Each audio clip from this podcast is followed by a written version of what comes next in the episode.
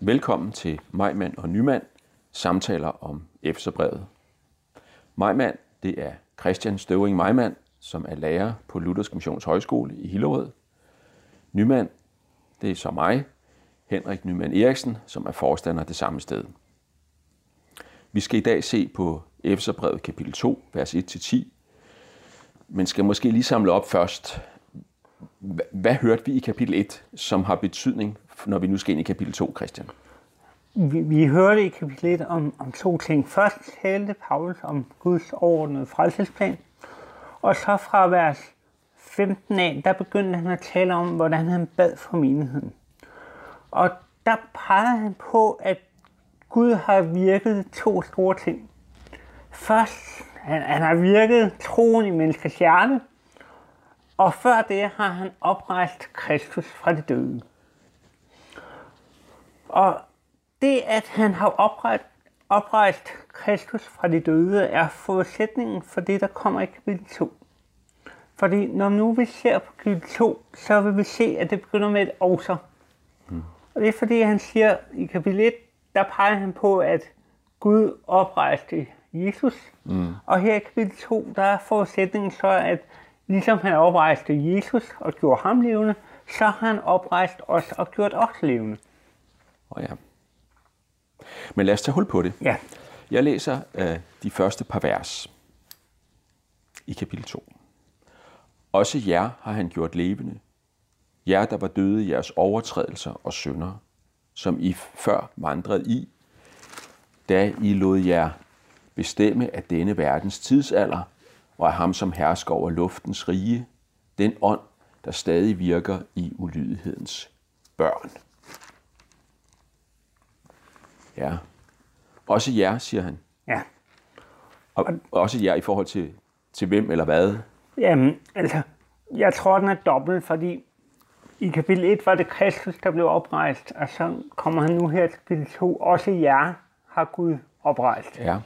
Men der er nok en, en dimension mere i det. Ja. Fordi hvis vi går tilbage i starten af kapitel 1, så havde vi den her frelsesplan med jøder og hedninger. Ja. Så også jer her, tror jeg, handler om også jer hedninger. Ja. Det er dem, han har fat i her. Ja, for i kapitel 1, vers 13 har vi det der med, I ham blev også I. Og der, og, og der er det jo, hvad skal vi sige, Helt tydeligvis. hedninger, Hedninger. ikke jøder, som har fået del i, i løfterne til det jødiske folk. Lige præcis. Og det er den tråd, han tager op her Ja. i kapitel 2. Så, så han taler til en menighed i Efesos, eller Lille Asien, i det område, sydvestlige hjørne af Tyrkiet, øhm, og, og henvender sig til dem og siger, der, der er noget, som, øh, som også gælder for jer, som i første omgang var for jøderne, men nu også er for jer. Men så går det altså også noget på ham, ham Jesus, ja. På en eller anden måde, der bliver... Han Der siger, I er oprejst." blevet gjort levende. Hvad Ja. mener han med det? Jamen, han bruger jo udtrykket levende og døde her i de første vers. I blev gjort levende, I var døde. Ja. Og der tænker Paulus på, på åndelige begreber, altså en, en åndelig død mm. kontra en, en åndelig levende tilstand. Øh, det er jo lidt interessant her med, med levende og død, fordi det er på en eller anden måde en, en aktiv død. Mm. Fordi først siger han i vers 1, at de var døde, Ja, og så vers 2, der siger han, I vandrede ja. Som døde. som døde, ja. Ja. Og det er jo en meget interessant øh, måde at formulere sig på, fordi normalt, hvis man er død, så går man ingen steder. Nej. Men her, der kan man både være død, og man kan vandre. Ja.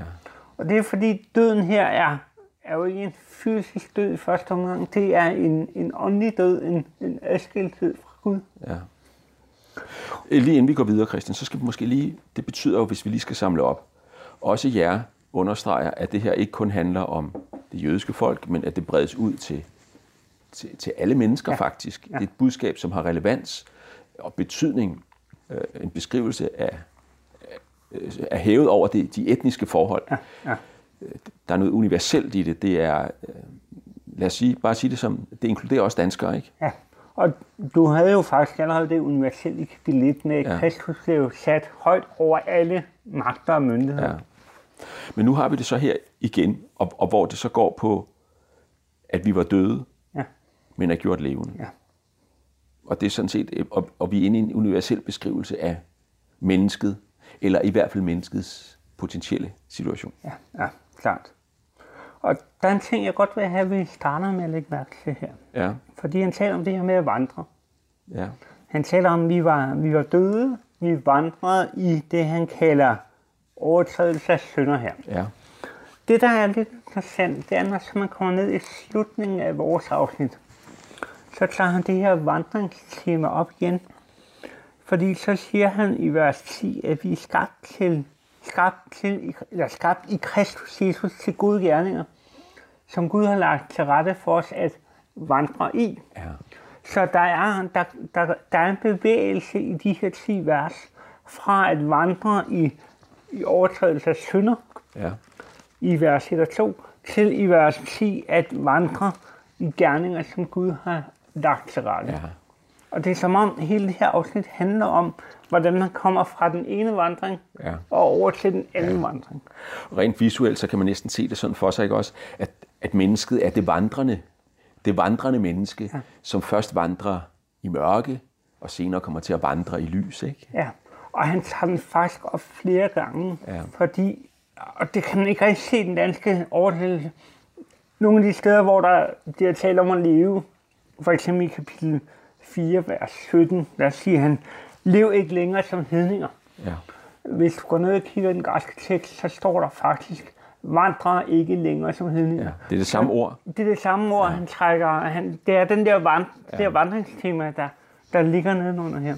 Men det er jo, en, det er jo, det er jo et stærkt metafor eller billede, ikke? fordi at, at det er jo et meget almindeligt udtryk for at beskrive det at leve et menneskeliv sådan som en vandring. Ikke? Vores ja. liv er en livsvandring. Ja. Øhm, vi vandrer igennem forskellige faser i vores liv osv.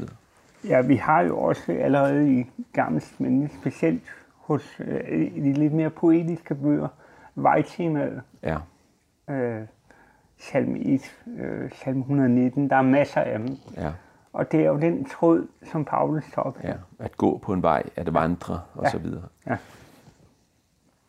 Ja, men først bliver vi nødt til at stanse lidt ved, den, ved vandringen, så at sige, i den mørke fase. Ja, ja. Fordi han siger, at vi er blevet gjort levende, men så bruger han noget krudt på at beskrive, hvordan det var før. ja. Øhm, og han siger, at vi var døde, ja. Levende døde, der vandrer i overtrædelser og synder. Øhm, og så står der, at vi lod os bestemme, og jeg siger vi, fordi det er jo en generel bestemmelse, han kommer med, ikke ja, også? Øhm, af denne verdens tidsalder. Hvad, hvad er det for noget, denne verdens tidsalder? Paulus bruger nogle gange det udtryk tidsalder øh, som en beskrivelse af denne verden, der er faldet, der har vendt sig bort fra Gud. Ja, Øh, der kan han tale om tidsalder. Om at sige, den, den tidsalder, vi lever i, den har vendt sig bort fra Gud. Samtidig kan han også tale om, at der er kommet en ny tidsalder, en ny øh, verdensrum, ja, en ny dagsorden med evangeliet, som er brudt ind i vores verden.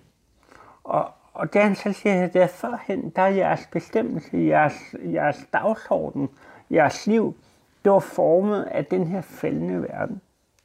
Og det er det, han... Så han denne verdens tidsalder, det, hvis vi taler sådan i den hele bibelske sammenhæng, det går helt tilbage til syndefaldet. Ja. Og, og det er sådan set alt det, der begyndte med syndefaldet, og var dagsordensættende for livet i den her verden. Ja. Og, og sådan set er det stadigvæk. Ja. Ja. Så, og han siger, I lod jeg bestemme af denne verdens tidsalder. At lade sig bestemme af noget. Ja, lad sig Styre forme af det, forme styre af. Ja. Dagsordenen var, var, var oprør mod Gud. Ulydigheden kalder han det her. ja. I lod syndefaldet sætte dagsordenen for ja. jeres liv. Lige præcis. Lige præcis. Ja. Og, og sådan var, det, det, var, det var, hvad skal vi sige, det er et perspektiv på, på, på den her vandring, døde vandring, så at sige, ikke også? Så nævner han også, at I lod jer bestemme af ham, der hersker over luftens rige. Den ånd, der stadig virker i ulydighedens børn. Det er ligesom om, det er en anden dimension ved det her, eller en supplerende dimension. Hvad er det? Ja, der, det er en anden reference, tror jeg, til satan. Ja, Og det vil sige, at vi, vi får både et, et, indre og en ydre ting her. Ikke? Ja. Øh, vi, vi lader os bestemme af satan. Hans, hans dagsorden bliver vores dagsorden. får helt tilbage til syndefaldet, hvor at Eva, Evas dagsorden ja. bliver, bliver overtaget af satan, så ja. at sige. Og det, det er den del af det, det er den, den ydre del. Og samtidig med den her ydre del, så er der en indre del, en, en indre del, den virker ind i os, og vi, øh, vi gjorde, hvad kødet og sindet ville. Altså, hvad det, der er noget i os, der vil oprøre mod Gud. Ja. Så oprøret har sådan en dobbelt kilde her. Ja. Det har en kilde hos satan selv, uden for os. Mm. Og den har, det har en kilde, den oprør har en kilde inde i os. Ja. Altså, det er det, han refererer til her som, som ulydighedens børn. Ja, og som kød her. Ja. ja. Og det kommer vi så til nu i vers 3. Så jeg, jeg tror lige, jeg læser videre fra vers 3 nu, ja. for der uddyber han det. Ja. Til dem, altså dem, der vandrede som døde, så at sige, til dem hørte også alle vi engang.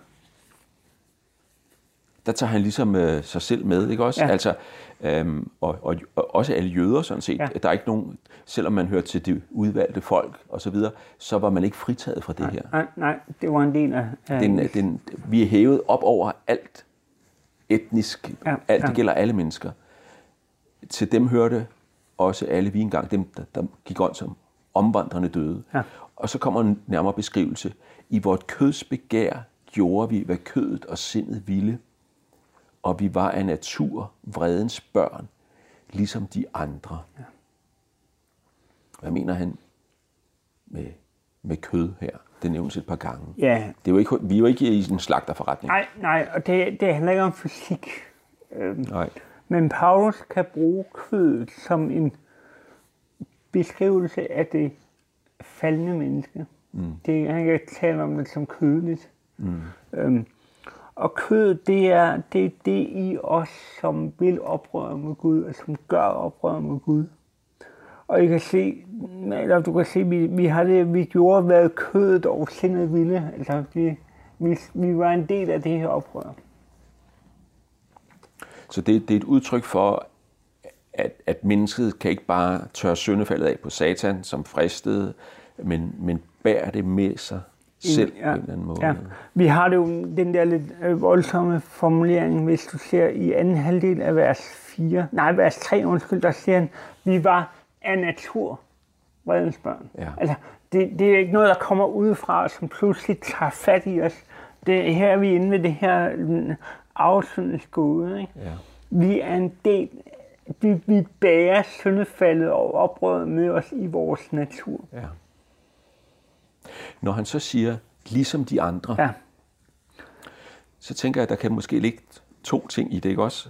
Det kan dels være ud fra hans jødiske baggrund, ikke også? Mm-hmm. At vi, selvom vi er jøder og tilhører det udvalgte folk, så er vi syndere ligesom de andre.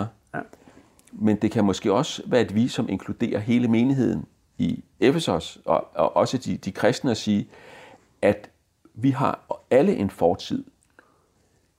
Det er, en, det er en del af vores alles historie. Også i den kristne menighed må ja. vi sige, at af natur var vi vredens børn, ligesom de andre. Der, hvor de andre står nu, der har I også stået på. Der, der har vi selv ja. stået, ja. alle mand ja. og kvinder, mm-hmm. øh, i den kristne menighed. Jeg tror godt, det kan tænke med. Jeg tror stadig, det andet er den store dagsorden ja, med tror du ret i. Ja. Også fordi vi kommer faktisk ned til, han kommer ned til i nedvers 5. Ja. Der skifter han tilbage til en specifik dem. Så, så jeg tror, den tænker med den anden, men dagsordenen, det er, det er jødehedning-problematikken ja. i det her afsnit her. Vi går videre fra vers 4. Ja. Men i sin rige barmhjertighed og på grund af den store kærlighed, han elskede os med, gjorde Gud os, der var døde i vores overtrædelser, levende med Kristus. Af noget er I frelst, står der så. Jeg tror, vi stopper der. Ikke? Ja. Der er masser at lægge mærke til her. Ja, først og fremmest, at der kommer et men her. Ja. Det er et af de der voldsomme minder, ja. hvor man ligesom, øh, der, der kommer et brud ja. ind i teksten. Og det brud kan vi jo se meget tydeligt ved, hvis du ser i vers 3, så beskrev vers 3, hvad vi gjorde. Ja. Altså, vi gjorde, hvad kød og sindet ville. Vi var naturverdens børn. Så kommer der et men i vers øh, 4, og så skifter fokus til at tale om, hvad Gud gjorde. Ja, ja. Altså, han siger, det var Gud, der gjorde os Ja. levende. Ikke? Så vi får et fokusskifte fra os til Gud. Mm. Og så først så forklarer han øh, baggrunden for, at Gud han gjorde det. Og så det gør han i vers 4, og så vers 5, der forklarer han, hvad Gud gjorde. Ja. Baggrunden i vers 4 mm, får vi jo to store øh, begreber. Ikke? På grund af, øh, eller i sin rige barmhjertighed, mm. og på grund af den store kærlighed, som han elsker os med. Altså barmhjertigheden og kærligheden er ligesom årsagen til det, der sker nu. Og, og ikke bare sådan i sådan moderat form, vel? Men det det er en rig barmhjertighed. Ja. Ja. Det er en stor, Stor kærlighed, ikke? Ja. Altså, det er ikke bare sådan lige til øllet, vel? Nej, Men der er, er- der, der, er- der er masser af det, Ja, ikke? Altså, der ja. er fuld skrue på, på en eller Ja, anden måde. det er der. Og hvordan den her kærlighed så kommer til udtryk, det får vi så i vers, øh, vers 5. Øh, Gud gjorde os, der var døde i vores overtrædelser, levende med Kristus. Ja. Og det man så skal lægge mærke til i vers 5 og i vers 6, det er, at Jesu historie bliver vi plantet ind i. ja. Vi havde jo tilbage i kapitel 1, hvis vi går tilbage i kapitel 1, vers øh, øh, 20 og frem efter, så stod der i vers 20, at han oprejste Kristus fra de døde, og han satte ham ved sin højre hånd mm. i himlen. Og nu står der så om os, i vers 5, vi blev gjort levende med Kristus. I vers 6, han oprejste os sammen med ham, Ja. og han satte os i himlen. Ja. Så altså gjort levende, oprejst og sat i himlen, det var jo det, der blev sagt om Jesus i kapitel 1. Ja. Nu siges det om os, der tilhører Jesus ja. i kapitel 2. Og det giver jo lidt et meget interessant billede. Fordi det gør, øh, at vi mennesker, vi kommer til at være to steder på en gang. Fordi vi er allerede sat i himlen med Kristus. Mm. Og samtidig så vandrer vi på jorden. Ja. Vi sidder i himlen højt over al magt og myndighed og synd, og alle de her ting, som Kristus blev sejr herover i 1, dem er vi jo også sejr herover, for vi er sammen med Kristus. Vi er sat i himlen, og samtidig så vandrer vi på jorden. Og den Men, Kri- men, ja. Ja. men altså, vi kan ikke være to steder på samme tid, vel, Christian? Nej, men det er Eller i faktisk... hvilken forstand kan vi, eller hvad? Vi kan ikke tale geografi her, fald, Nej, vel? det er klart, det er geografi. Det, billedet her, det, det springer, hvis man gør det geografisk. Ja, hvordan skal vi så forstå det? Jamen, jeg tror, vi skal forstå det sådan, at når, når Gud ser på dig, der tror på Jesus, så ser han en, som sådan set allerede sidder fuldkommen herliggjort i himlen, sammen med Jesus. Og du har din identitet der. Og samtidig så lever du på jorden. Men, men, men det betyder, at vi, vi, vi går rundt, vi vandrer så at sige stadig her på jorden. Ja, Men i den her vandring her på jorden, der er vi forbundet med Jesus. Vi er i Kristus, som han siger andre ja, steder. ja, Og det gør, at den virkelighed, som gælder om ham, gælder om os. gælder om os. Ja. I Guds øjne. Ja. Er det sådan, det skal forstås? Det tror jeg, det er, ja. Øhm, og det var også, øh, vi har jo formuleret på at se ned i vers, øh, vers 6, han oprejste os med ham, mm. og satte os med ham i himlen, i Kristus Jesus. Der har Ja, du det ja. i Kristus. Og vi havde det meget i starten af kapitel 1 Ja, ja, i. Kristus. Ja. Og det, det er ham, der er hele omdrejningspunktet for Guds frelsesplan. Så her har vi ligesom på en måde to lin- øh, parallelle ting, der gælder i vores liv. Ikke også? Vi vandrer her på jorden, Ja. og vi så er vi forbundet med Jesus, og det betyder, at vi, vi er i ham, vi er forbundet med ham. Og, og, og de to ting, de gælder på samme, det gælder på samme tid. Ja, og jeg tror, det handler rigtig meget om, om at tænke identitet her. Ja. Forstået på den måde, at som kristen, der har vi en identitet, der handler om, at vi er i Jesus. Vi tilhører ham. Vi har fællesskab med ham. Og fordi han ser i himlen, så ser Gud også os som siddende i himlen, når vi har fællesskab med ham. Mm. Det er vores grundlæggende identitet som kristne. Øhm, vi tilhører Gud, vi er en del af hans rige. Og så kalder han os til at leve i vores hverdagsliv i den bevidsthed om, at vi sidder i himlen sammen med Kristus. Jeg, jeg er stadig lidt svært ved, fordi jeg kommer til at tænke geografi i det, Ja. Christian. Altså, Ja. jeg, synes, jeg synes, formuleringen er misforståelig på Ja. en anden måde. Det, og, og jeg tror netop, at øhm, hvis vi i stedet for øh, siger i himlen, så siger sammen med Jesus, Ja. så tror jeg måske, det bliver lidt lettere at rime, fordi så må jeg sige, Også fordi, men det er fordi, vi let kommer til at tænke om himlen som et andet sted end jorden. Ikke? ja, ja, Men hvad nu, hvis himlen bare handler om øh, nogle nye andre dimensioner, eller et eller andet? Eller, altså det, Jo, men det kommer an på, hvordan vi definerer himlen. Og så langt jeg overhovedet kan se, så himlen er først og fremmest i Bibelen defineret som det sted, hvor Gud er med sin udelte velsignelse. Øhm, han er i Edens have, og derfor er Edens have himlen. Han er på den nye jord, og derfor er den nye jord himlen.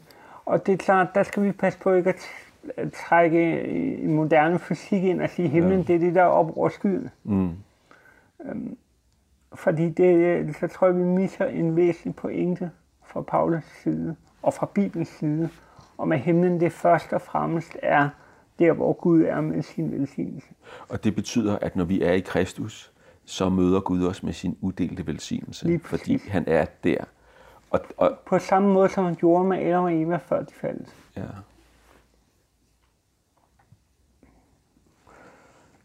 Det er lidt nemmere, Ja, man altså så lever vi vores liv i den her verden, Ja. forbundet med Jesus, Ja. og der er nedslaget til stedeværelsen af Guds uddelte velsignelse, Ja. midt i det her liv, vi lever her. Ja. Så synes jeg, det er værd lige at tage det indskud med, Paulus også har i slutningen af vers 5, ikke, hvor han siger, at noget er i frelst. Ja. Altså, at det her, øhm, vi, vi var faktisk skyldige, Ja. og vi var af natur, var vi vredens børn, der står, som der står. Jeg tænker, at det betyder, det går på, at vi natur var under Guds vrede, Ja, ikke også? ja. Fordi det kunne også være, at natur var vi vrede, altså at det var ja, en del ja, af det handler om os. Nej, Ja. det handler om, at vi Ja. en status i forhold Ja. til Gud. Men, men, men, men, men den, den status brydes sådan set. Ja. ved, at, at noget er i frelst, Ja. at, at noget går for ret, at, at Gud viser os ufortjent godhed. Og det er så vigtigt for Paulus at få sagt, så han faktisk får gentaget det. Hvis du ser vers 5, så siger han det jo der, at noget er frelst. Og lige sådan nede i vers 8, der tager han tråden op igen, for at den er i frelst. Eller han får faktisk gentaget selv, sagt to gange, øh, og dermed understreger han det jo meget kraftigt. Ja. Lad os lige læse vers 8-9, fordi ja. Ja. der står det helt skarpt. Ja, det gør han nemlig. For at den noget er i frelst ved tro. Og det skyldes ikke jer selv gaven af Guds. Det skyldes ikke gerninger, for at ingen skal have noget at være stolt af. Og der får vi jo forklaret mm, sådan set modsætning til noget. Modsætning til noget er, at det, det skyldes os selv. Ja. Og det forklarer han så ved at sige, at det, det, at det kunne skyldes sig selv, kunne så være nogle gerninger, I gjorde. Mm. Hvilket netop ikke er tilfældet. Så, så noget og gerning står som kontraster. Ja. Ja. Det er meget sjovt, det du siger, der er så meget identitet i det her, ikke? Ja. fordi det indebærer jo også for, at ingen skal have noget at være stolt af. Ja. Stolthed og identitet hænger rigtig meget sammen. Ikke? At, vi, at vi på en eller anden måde er noget, og at andre skal synes, at vi er noget. Ikke Ja. også? Fordi vi gør noget. fordi vi gør noget, ja. Ikke også? Ja. At, at, at, at vi er det, vi gør, ja. øh, og sådan. Og her bliver vi, det bliver bare taget fra os her. Ja. Altså, hvis, hvis, hvis vi skal have del i alt det, som Jesus giver, så må vi give slip på det, og så bare nøjes med at være det, vi får givet. Ja, lige præcis. Og det vi møder jo faktisk i flere Paulus' breve, der møder vi det her opgør med stolthed. Vi møder det i Romerbrevet, for eksempel kapitel Ja. ja. 3. Vi møder det i 1. Korintherbrev, kapitel 1. Mm. Vi møder det også i Paulus' beskrivelse af sig selv, så vidt jeg kan se i Filipperbrevet kapitel 3, hvor han også gør op med alt det, han var stolt af, Ja, før han mødte ja. Jesus. Og det er jo fordi, at, at ankerpunktet bliver flyttet fra, hvem han er og hvad han har gjort, ja. ja. til hvem Jesus er og hvad ja. han har gjort. Og så kan han faktisk nogle steder, for eksempel i Romerbrevet kapitel 5, tale om en ny stolthed. Ja. En god stolthed, som er en stolthed af, hvad Gud er og hvad han får, og hvor, som i virkeligheden ikke handler om sammenligning med andre mennesker, men mere handler om en taknemmelighedsstolthed, kan ja, man sige. Ja, han er stolt over den fantastiske gave, han har fået. Ja. Det her øh, sted, Christian, vers 8, Ja. Det er også et vigtigt sted, hvis man ligesom øh, mangler fast grund under fødderne. Ja. Hvordan kan jeg vide, at Gud elsker mig? Hvordan kan jeg vide, at han vil tage imod mig? Um, hvis jeg ikke føler, at min tro er særlig stor, hvis jeg ikke lykkes særlig godt som kristen, så, er der noget godt at hente her, ikke også? Og hvad ja, er det? Jamen, det er jo, at Paulus i, i det her afsnit her, og meget tydeligt i, i vers 8, får flyttet fokus fra, hvem jeg er og hvad jeg gør, til hvem Gud er og hvad han har, har gjort. Ja. Øhm, og det er, jo, det er en grundtanke her, at, at det er Gud, der handler hele vejen igennem. Ja. Altså, det eneste, vi har gjort i den her tekst, ikke, det er at vandre som ulydige. Ja. Ikke? Resten, det er jo en beskrivelse af, hvad Gud gør. Ja. Han gør os levende, han sætter os med Kristus, han, han, han giver os et nyt liv, han, han skaber os i Kristus. Mm. Så, så derfor sagt, her der er ankerpunktet, det er hos, hos øh, Jesus. Ja. Når han siger her, at den noget er i frelst ved tro, Ja. så står det her tro jo i modsætning til ved gerninger, Ja. også? Men hvad, hvad mener han med tro? Hvad, hvordan, hvordan bliver man frelst ved tro? Hvad, hvad er det for en... Ja, hvad, hvad er tro her? Eller tro. Det, det er åbenbart ikke gerninger, Nej, vel? det er det er jo en gerning, kontrasten til det. Ja. Men hvad er det så? Jeg tror faktisk, man nogle gange kunne oversætte det med enten overbevisning eller med tillid. Ja, Øh, Hebræerbrevet har nogle formuleringer netop i Hebræerne 11, hvor man får forklaret troen som, som tillid mm. og som overbevisning. ja, Og hvis vi prøver at komme til den her tekst med den vinkel, så øhm, vil det være, for den noget er I frelst øh, ved øh, tillid. Tillid Ja. ja. til, at Gud i Kristus har, har, har gjort det, der skal gøres. Mm. Har betalt min synd, har fjernet den, har renset mig. Ved den tillid, der øh, er jeg blevet frelst. ja. Så, så det er tilliden til Jesus, der i stedet for gerningerne. ikke? Ja, Og tilliden til ham, at han har gjort det, der skulle gøres. Ja. Ja. Se, det her, det sætter os jo fuldstændig fri. Fri fra at skulle gøre nogle bestemte gerninger, eller gøre det gode for at optjene Guds kærlighed og godhed og barmhjertighed. For den kommer, så at sige, mens vi stadig er sønder, ikke også? Ja. Og så kan man spørge sig selv, jamen, øh, så- så er der jo ikke rigtig nogen, altså er det så fuldstændig lige meget med gerningerne i det, på en eller anden måde? Og det er det så alligevel ikke, vel? Nej. Fordi der står, og det slutter så vores afsnit, vers 10, der står sådan her. For hans værk er vi skabt i Kristus Jesus til gode gerninger, som Gud forud har lagt til rette for os at vandre i. Ja. Der har vi vandringsmotivet igen, som vi startede med. Ja, ikke? ja, Før vandrede vi i, øh, i, i mørket, i, i, i vores Overtrædelser og synder, synder, ja. og nu skal vi her vandre i gode gerninger, som Gud har lagt til rette for os. Ikke også? Ja. Øhm, først det her med skabt i Kristus Jesus. Ja. Det tror jeg, det er det nye liv, der er... Han taler om, at vi er blevet gjort levende. Ja. Og her er vi skabt i Kristus Jesus. Det, Ja. det er den tanke, der dukker op igen. Det er den organiske side ja. ved, ved at blive frelst. Ja. Vi er blevet frikendt, erklæret retfærdige, men vi er også blevet nyskabt. Gud ja, har skabt noget nyt i os. Han har vagt noget, et, et liv til live, så at sige. Noget nyt ja. til live, som før var dødt. Ja. Og det er så et liv, som sigter på gode gerninger, står der. Ja. Og der tror jeg, at vi faktisk skal tilbage til kapitel 1 for at forstå det. Ja. Fordi når man læste den lovprisning, han havde igennem der fra vers 3 til vers 14 I kapitel 1. i kapitel 1, ja. Så noget af det, der gik igen der, det var jo, at vi skulle blive til overpris for Gud i Kristus. Mm. Det kommer for eksempel ned i vers, øh, vers 11-12, ikke? Vi er, Gud gennemfører alt efter sin viljes forsæt, så vi kan blive til overpris for hans herlighed. Øhm, og nede i vers 14 også, Øhm, forløsning kommer for hans ejendomsfolk til lov og pris for hans herlighed. Altså, Guds gerning ender i lovprisning om selv. Ja. Og jeg tror, det er den tanke, vi skal have med ind her, fordi nu er vi blevet, nu er vi blevet sat fri, nu er vi blevet gjort herlige, mm. nu er vi blevet gjort levende. Nu kaldes vi til at leve til lov og pris for Gud, som har frelst os. Så det her, det er en udfoldelse af den tanke fra kapitel 1, tror jeg, med lovprisningen. Så når Gud griber ind mm. og gør de åndeligt døde levende, frelser os af noget, skaber et nyt liv, og det nye liv så udfolder sig i gode gerninger, ja. så får Gud ære. Ja, og det er det, der er tanken her. Ja. Så står der her, at de her gode gerninger, som vi skal gøre, dem har han forudlagt til rette for os at vandre i. Hvordan skal vi forstå det? Ja, det, det kan jo enten forstås sådan, at Gud har taget hver enkelt gerning og lagt til rette for mig. Mm. Det er jeg ikke helt overbevist om, når jeg læser resten af brevet. Fordi jeg tror, at resten af brevet, det er en udfold, langt på vej en udfoldelse af det her. Jeg tror simpelthen, de gode gerninger, det er sådan helt overordnet, det gode, retfærdige liv, som Gud har tænkt, at vi skal leve i. Altså, han har forudlagt til rette, at retfærdigheden skal være i den her verden, at, at Gud han vil bekæmpe det onde, han vil lade det gode sejre, og han kalder os til at vandre i de gerninger, som gør, at det gode sejrer. Så det du, sådan som du forstår det, Christian, måske i hvert fald først og fremmest, det er, at, øh, at de gode gerninger, Gud har lagt til rette, det er det, han har lagt til rette for alle. Ja. Ja. Det er det fælles, det fælles, det fælles gode liv ja. i pagt med hans vilje. Ja. Mm.